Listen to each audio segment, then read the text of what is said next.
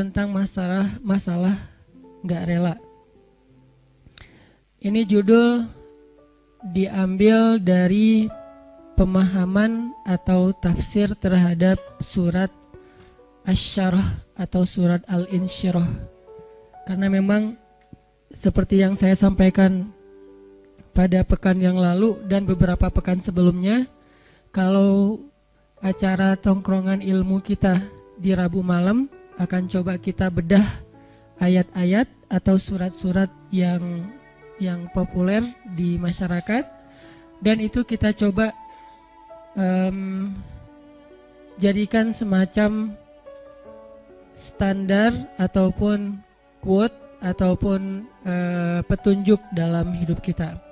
Nah, kalau sebelumnya kita membahas tentang surat Ad-Duha, Surat yang bercerita tentang galau, sedih, ngerasa sendiri, terus motivasi untuk tetap berserah kepada Allah, bahwa Allah nggak pernah ninggalin kita dan seterusnya dan seterusnya.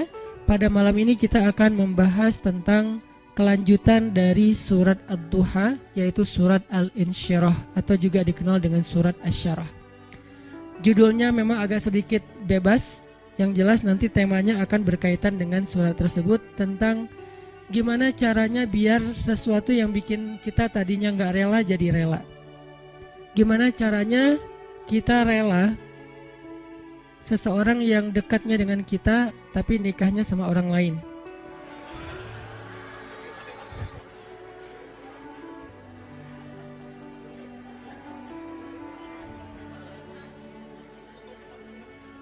Soalnya saya juga nggak rela. Enak aja. Gimana caranya kayak gitu? Maaf ya, saya belum pernah ngerasain sakit sejauh itu, sedalam itu.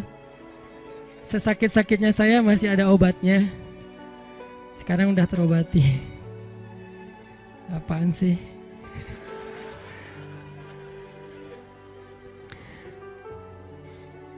Um, gimana caranya kita bisa rela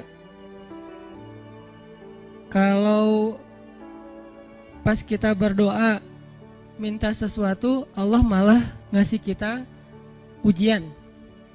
Kita lagi getol-getolnya meminta kepada Allah tentang sesuatu yang kita lagi kepengenin banget. Eh tiba-tiba Allah malah ngasih yang yang sebaliknya. Gimana caranya biar kita rela kalau kita ditolak dengan bahasa yang lembut? Kalau kita ditolak dengan alasan-alasan yang kadang-kadang nggak masuk akal. Kalau kita ditolak alasannya misalnya kayak kita kayaknya nggak cocok soalnya hitung-hitungannya nggak dapat misalnya.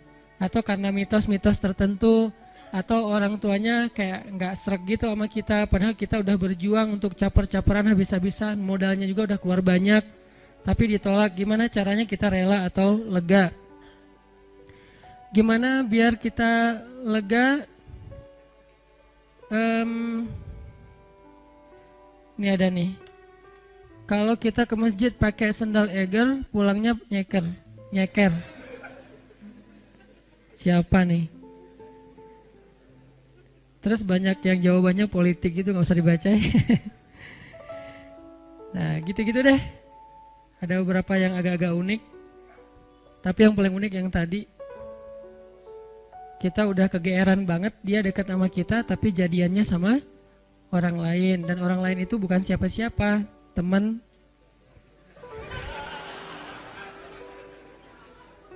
nah, itu jahat banget. Gimana caranya kita bisa rela? Pernah nggak teman-teman mencoba untuk melakukan sesuatu yang kita tuh udah siap-siap bakal gagal. Kayaknya bisa dipastiin nggak akan berhasil. Contoh, kita kayak mau ngedatangin seorang e, calon mertua yang anaknya itu idola kampus banget atau idola sekolah atau teman masa kecil kayak Spider-Man atau apalah. Terus kita kayak yakin banget bahwa kita tuh bukan standar orang tuanya dan pasti kemungkinan besar akan ditolak. Cuman kan nggak ada salahnya juga untuk mencoba ya. Nah, ternyata ditolak beneran. Nah, gimana rasanya tuh? Apakah kita bisa benar-benar lega dan nggak dendam, nggak dendam sama dia? Apakah kita benar-benar bisa ngerasa lega dan akhirnya bisa maafin orang tersebut kalau dia misalnya ngezolimin kita, ngejailin kita, ngecurangin kita, nikung kita, dan terakhir agak berat sih, yang misalnya dia kayak apa uh, memfitnah kita, ngomongin kita, mengkomen dengan head di akun kita, mengkick kita di grup atau nge-block kita di uh, nomornya, bisa nggak kita lega? Kita rela. Terutama kepada Allah Subhanahu wa taala karena ada orang yang mungkin sering nggak rela dengan uh, perlakuan manusia, tapi dia masih berusaha untuk rela dengan ketentuan Allah. Yang parah tuh sampai ke Allah juga nggak rela. Dia nggak rela ketika Allah memberikan dia satu ketentuan. Bahkan nikmat pun kadang nggak rela. Dikasih nikmat sekian dia berharapnya lebih. Dikasih nikmat begini dia berharapnya begitu. Dikasih fisik yang ini dia berharapnya kayak gitu. Dan seterusnya. Kadang-kadang masalah rambut aja dia nggak rela. Belum lagi nanti masalah kulit. Kulit.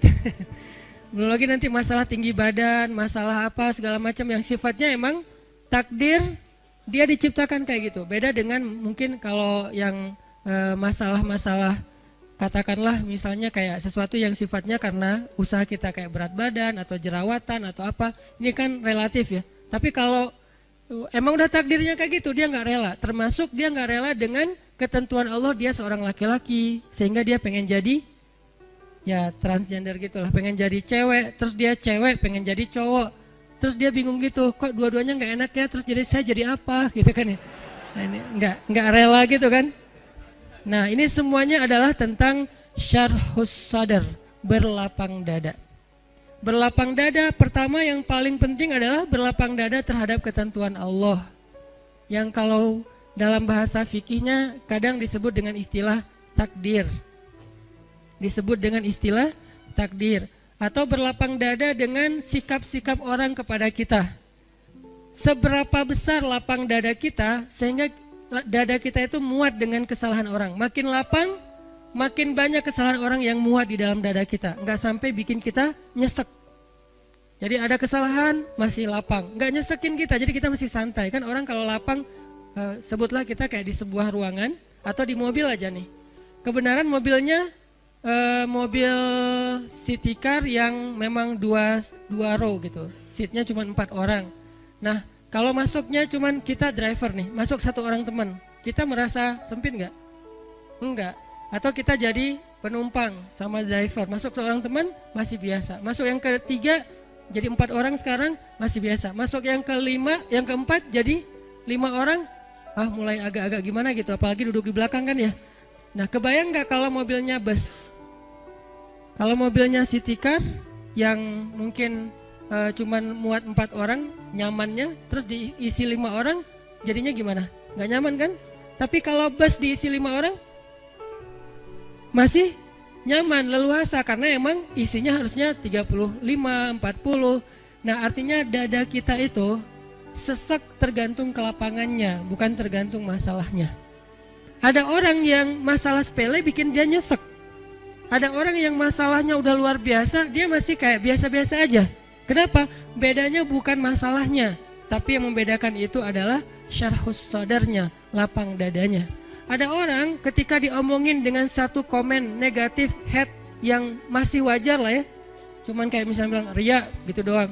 Dia udah langsung rame gitu, udah langsung di replay, langsung terus dia kayak ngedebat gitu, langsung di blok, langsung dia kalau perlu akunnya juga ditutup, dia nggak mau pakai lagi Instagram pundung gitu pundung visosmed misalnya. Ini gara-gara apa? Gara-gara ada satu haters yang satu kata doang, ria, sombong. Ini artinya bukan masalahnya terlalu besar, tapi dadanya mungkin belum lah lapang. Dan itu juga berlaku kepada pasangan, berlaku kepada keluarga, berlaku kepada orang tua, berlaku kepada guru, berlaku kepada banyak urusan hidup kita. Kadang-kadang satu kata bikin kita nyesek. Tapi ada orang lain yang udah seribu kata dan katanya semuanya bold, dia biasa-biasa aja. Kenapa? Mungkin dua kemungkinan. Dia orangnya cuek, orang yang nggak mau ngikutin kayak gitu-gitu, dan itu juga biasa bisa jadi buah dari kelapangan dada, atau kemungkinan kedua adalah dia dadanya emang lapang. Hatinya emang lah lapang. Sehingga salah satu yang kita selalu doain itu apa? Rabbi syrahli malah sebelum yang lain-lain Rabbi syrahli sadri. Inilah yang diminta oleh Nabi Musa ketika Nabi Musa diutus kepada Firaun. Allah berfirman di surat Toha, "Idhab ila Firaun innahu tagha." Pergilah kamu kepada Firaun, dia itu jahat banget. Togo itu jahat banget. Togo itu zalim banget. Togo itu durhaka. Togo itu uh, sangat uh, sombong. Togo itu udah luar biasa kejahatannya, bukan lagi orang yang kejahatannya masih wajar, udah di atas wajar namanya togo. Innahu togo. Firaun itu luar biasa jahatnya. Apa kata-kata Musa? Musa nggak bilang ya Allah beri saya senjata. Karena kalau Musa minta senjata Allah bakalan kasih senjata yang bisa ngalahin Firaun. Musa nggak bilang ya Allah kasih saya misalnya um, harta supaya saya bisa ngebeli semua kekayaan Firaun, kekuasaan Firaun saya bayarin aja lebih daripada korun. Malah yang diminta oleh Musa dalam misi yang sangat berat itu apa? Qala rabbi syrahli sadri. Itu pertama yang diminta sama Musa. Musa berdoa setelah Allah memberi dia perintah, kata Musa, Rabbi syrahli sadri. Ya Allah lapangkan dada saya. Baru yang kedua, wayassirli amri. Ya Allah mudahkan urusan saya. Jadi kalau dadanya udah lapang, maka urusannya jadi mudah. Kalau dadanya udah lapang, maka hidupnya jadi mudah. Kalau dadanya udah lapang, maka hubungan dengan pasangannya jadi mudah. Kalau dadanya udah lapang, maka hubungannya dengan partner atau teman kerja, tim bisnis kita jadi mudah. Kalau dadanya udah lapang, maka teamwork kita dalam suatu usaha sosial, gerakan dakwah atau apa pun jadi mudah. Wayasirli amri. Baru setelah itu, wahlul uqdatan mil lisani yafqahu qawli. Selesai? Belum. Yang kita nggak bacain yang keempatnya, waj'alli waziram min ahli haruna akhi dan beri saya juga seorang pendamping yang dia pintar ngomong dan dia itu lebih ngerti realitasnya, lebih tahu apa yang terjadi di sana, saudara saya Harun supaya kami bisa sama-sama berdakwah kepada uh, di sisimu ya Allah. Jadi yang pertama banget diminta oleh Musa menghadapi Firaun aja lapang dada. Kenapa? Karena kalau Allah kasih kelapangan dada untuk Musa, kejahatan Firaun itu nggak bikin Musa nyesek. Kebayang ya, orang yang lapang dada diperlakukan oleh Firaun aja masih belum nyesek. Gimana kalau suaminya bukan Firaun? Kan banyak eh, ibu-ibu atau istri-istri bertanya Ustadz gimana menghadapi suami yang pemarah, suami yang galak, suami yang nggak setia, suami yang suami, suami, suami, suami. Sekian banyak kesalahan suaminya. Lebih besar mana dengan kesalahan Firaun? Pastinya lebih besar Firaun dan kita nggak membandingkan suami dengan Firaun ya. Artinya emang Ya jauh lah insya Allah. Ini bukan dalam masa eh, apa dalam dalam niat membandingkan. Tapi kalau kesalahan Fir'aun aja dengan kelapangan dada Musa tidak pundung, Musa tetap bisa bersabar, Musa tetap bisa menuntaskan misi dakwahnya, berarti lapang dada itu penting banget dalam hidup kita teman-teman. Sampai dengan kelapangan dada bisa menghadapi orang sekelas Firaun, berarti kan lapang dada itu penting banget ya. Yang kalau di bawah Firaun pasti akan lebih lega lagi nih. Di di Fir'aunin aja lega. Di Fir'aunin. Jadi di, diperlakukan oleh Firaun aja masih lah, lega. Itulah yang diminta oleh Musa. Ini menandakan bahwa lapang dada itu salah satu doa yang paling penting untuk kita baca teman-teman. Bukan cuma pas mau ngomong di depan kita baca Robbi Shurah li Sodri. Kapan aja? Robbi Shurah li Sodri. Robbi lapangkan dada saya. Lapangkan dada saya.